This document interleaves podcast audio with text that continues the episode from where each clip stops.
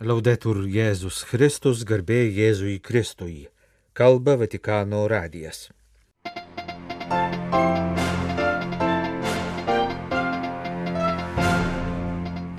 Popiežius paskyrė naują Šanhajaus vyskupą. Toliau mūsų laidoje kalbėsime apie tris būsimuosius kardinolus iš Afrikos, kurie į kardinolų kolegiją bus įvesdinti per rugsėjo 30-osios konsistoriją. Laidos pabaigoje 15-ojo eilinio sekmadienio Evangelijos komentaras. Buvusį Kinijos Haimeno vyskupą Juozapą Šenbiną popiežius Pranciškus paskyrė Šanhajaus vyskupu.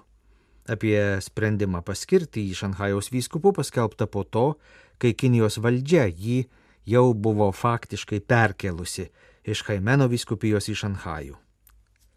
Naujasis Šanhajaus vyskupas gimė 1970 metais, baigęs filosofijos studijas Šanhajuje ir teologijos studijas Pekine, 1996 buvo išventintas kunigu. Pastoracinę tarnystę jis vykdė Haimeno vyskupijoje, 2010 metais buvo paskirtas Haimeno vyskupu. Pastarasis vyskupo Juozapo Šenbino perkelimas iš Haimeno į Šanhajų buvo susijęs su tam tikrais nesusipratimais. Šį popiežiaus sprendimą ir kai kuriuos Šventojo sosto dialogo su Kinijos liaudies Respublikos valdžios institucijomis aspektus Vatikano radijui duotame interviu paaiškino popiežiaus valstybės sekretorius kardinolas Pietro Parolinas. Kardinolas visų pirma priminė prieš kelis mėnesius įvykusį atvejį, kai Kinijos valdžia, nepasitarusi su Šventojo sostu ir jo neinformavusi, vyskupą Joną Pengveižau paskyrė į vyskupiją, kurios šventasis sostas nepripažįsta. Po to atvejo šventasis sostas viešai išsakė savo apgailestavimą dėl valdžios sprendimo. Dabartinio Šanhajaus vyskupo atveju Kinijos valdžia vėl pati priėmė sprendimą, tačiau informavo šventai sostą apie vyskupo perkelimą iš Haimeno vyskupijos į Šanhajaus vyskupiją.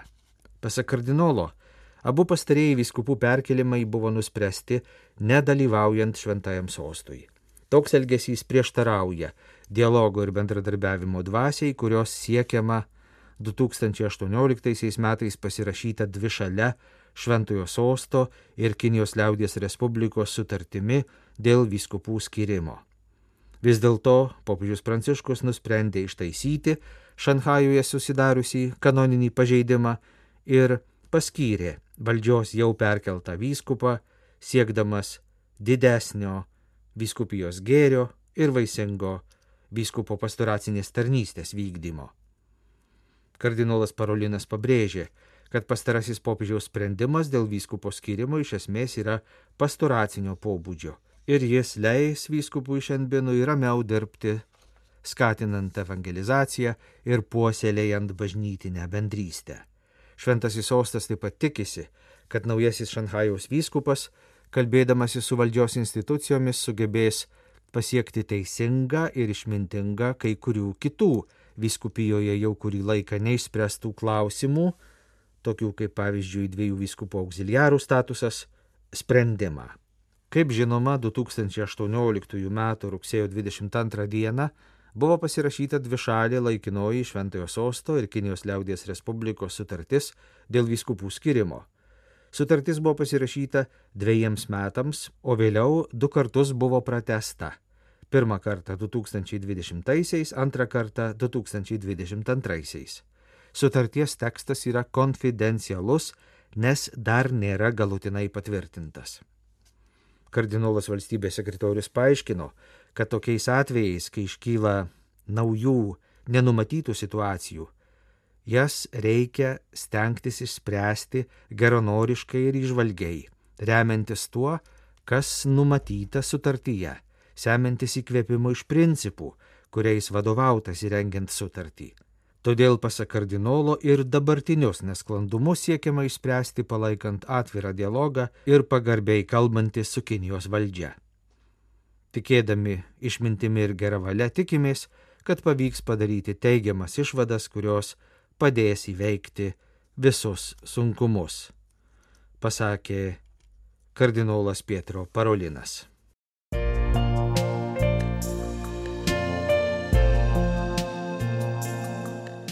Jūs klausotės Vatikano radio. Tęsėme žinių laidą lietuvių kalba.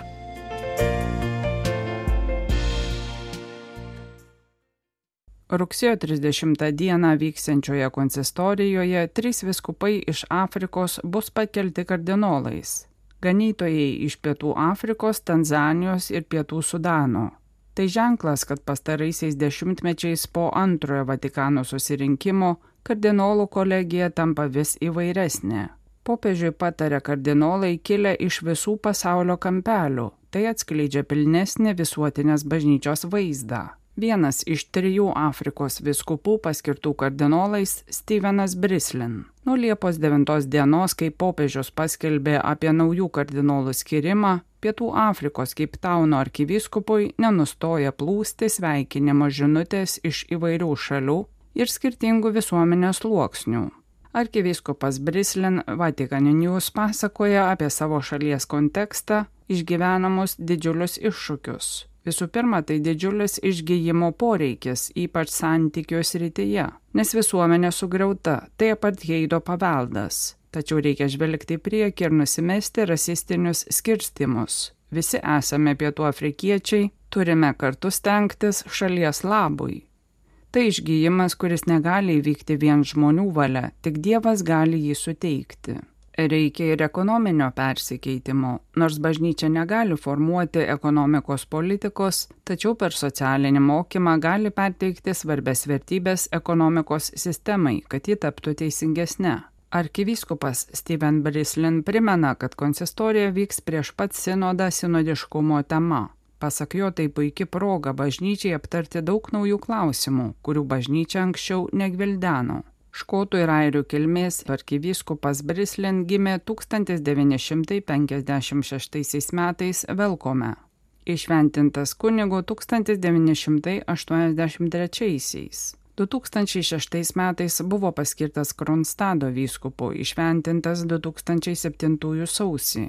Po trijų metų paskirtas Kiptauno arkivyskupu 2012-2016 metais arkivyskupas vadovavo Pietų Afrikos tarp regioniniai tarybai, o nuo 2013 iki 2019 buvo Pietų Afrikos viskupų konferencijos pirmininku.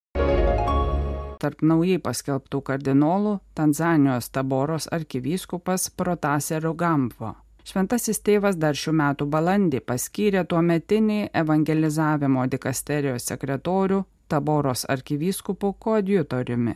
Arkivyskupas Protasė Rugambva gimė 1960 m. gegužės 31 d. Tanzanijoje, Bunenoje. Į kunigus išventintas 1990-aisiais Pulengės viskupijoje.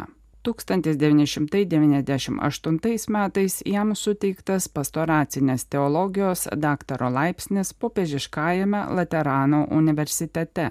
Nuo 2002 metų iki 2008 jis darbavosi tautų evangelizavimo kongregacijoje. 2008 m. sausio 18 d. paskirtas Kigomos vyskupu. 2012 metais tautų evangelizavimo kongregacijos sekretorius ir popiežiškųjų misijų draugijų prezidentas su asmeniniu arkivyskupo titulu. Čia jis dirbo iki 2023 kovo mėnesio. Darbuodamasis Vatikane, Tanzanijoje gimęs paskirtasis kardinolas gynė jaunimą, ypač pažeidžiamą nuo migracijos iššūkių.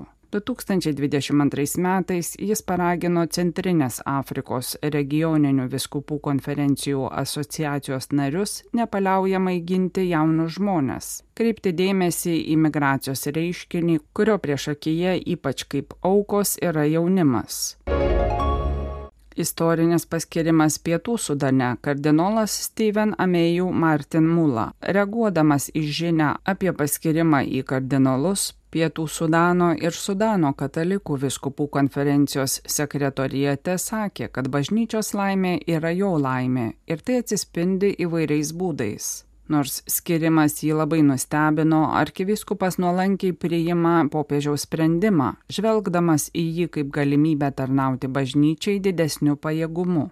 Pasak arkivyskupo jo išrinkimas kardinolu tai bažnyčios darbo liudėjimas, pripažintas popiežiaus, pabrėžiant jų pastangų svarbą ir viltį, kad jos įkvėps pietų Sudano žmonės. Arkivyskupas Steven Amėjų Martin Mula gimė Ido mieste Sudane 1964 sausio 10 dieną.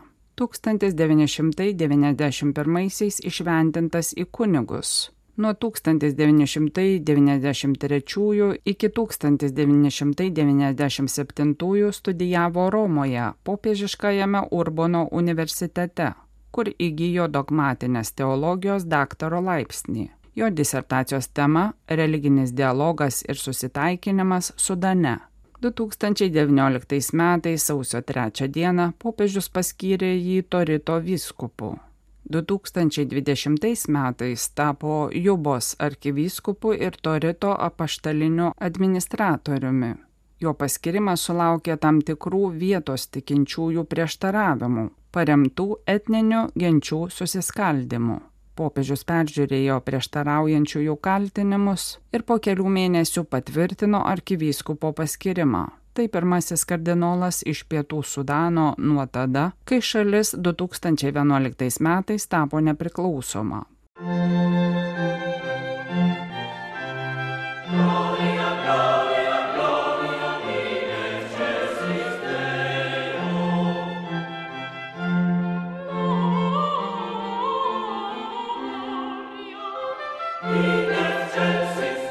Penkioliktasis eilinis sekmadienis iš Evangelijos pagal Matą.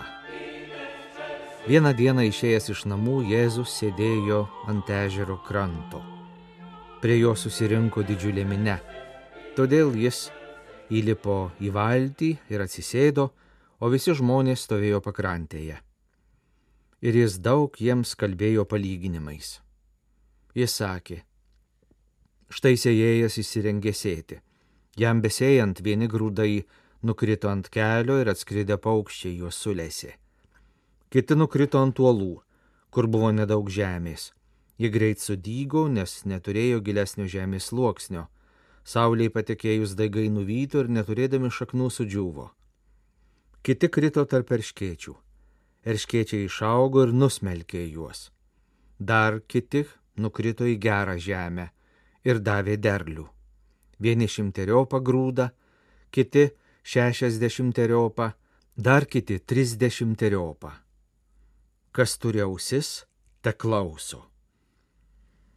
Skaitome 15 eilinio sekmadienio Evangelijos komentarą. Nepailstantis sėjėjas. Štai sėjėjas išsirengė sėti. Nuo pat pirmųjų šio palyginimo žodžių atrodo, kad aplinkui padvelkė pavasariu. Jėzus kalba apie sėją, tačiau drauge tai pasakojimas apie vasarą, duoną, vaišėms parengtus stalus, pasibaigusi badmetį. Šiuo sėjėjo įvaizdžiu pasinaudodamas Jėzus kalba žmonėms apie tai, jog Dievas, nenuilstantis ir besąlygiškai pasitikintis mumis kurėjas, ir toliau dosniai visiems teikia gyvybę, savai žodį. Dievas yra viso pasaulio amžinasis pavasaris. Tuo tarpu mes esame vasaros žmonės, nes kaip tik mumyse turi subręsti pasietoji Dievo sėkla. Kiekviena širdis tai dirba gera žemė, tinkama priimti ir auginti Dievo į ją beriamą sėklą. Tiesa pasitaiko, kad mes patys nekartą sustabdome to stebuklo veikimą.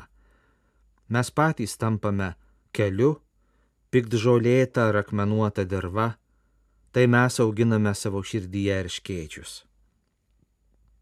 Jam besėjant vieni grūdai nukrito prie kelio ir atskridę paukščiai juos sulėsi. Tai pirmoji mūsų daroma klaida, kai tampame keliu visą laiką tik judėdami, nerasdami laiko sustoti.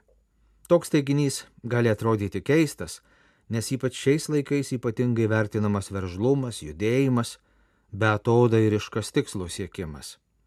Vis tik tai Dievo žodžiui reikalingas tam tikras staptelėjimas, laikas, kada mes stengiamės suvokti mums patikėtos žinios didybę.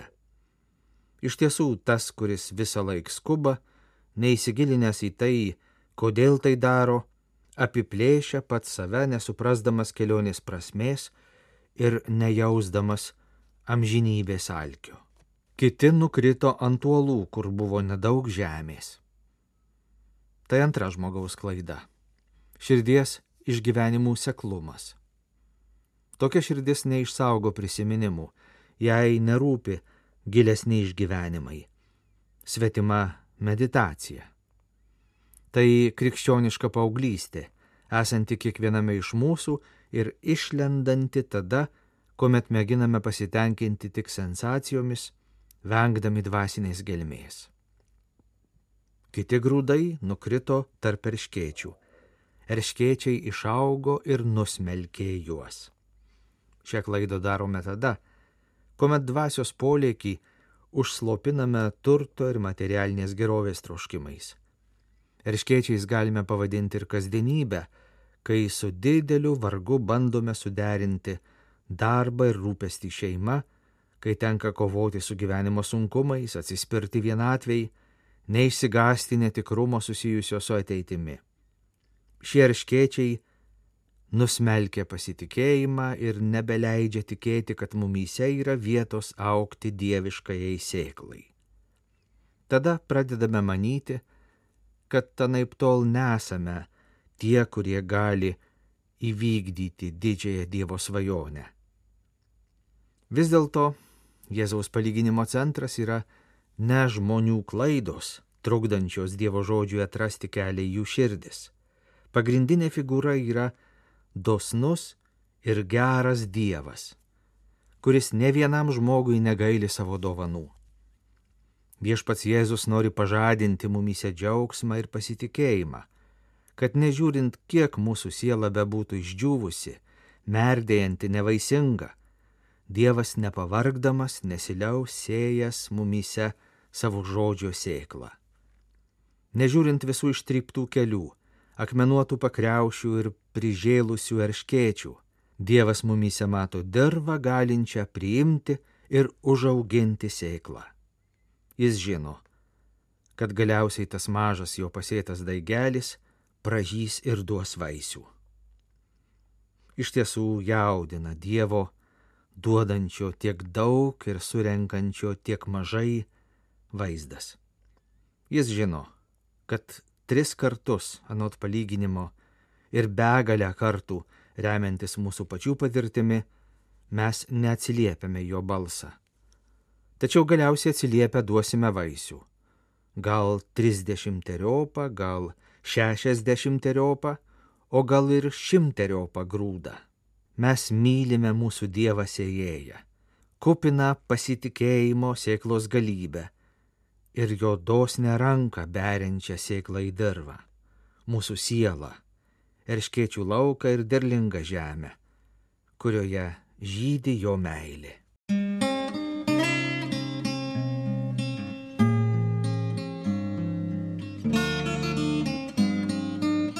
Kalba Vatikano radijas. Laidą lietuvių kalba baigėme.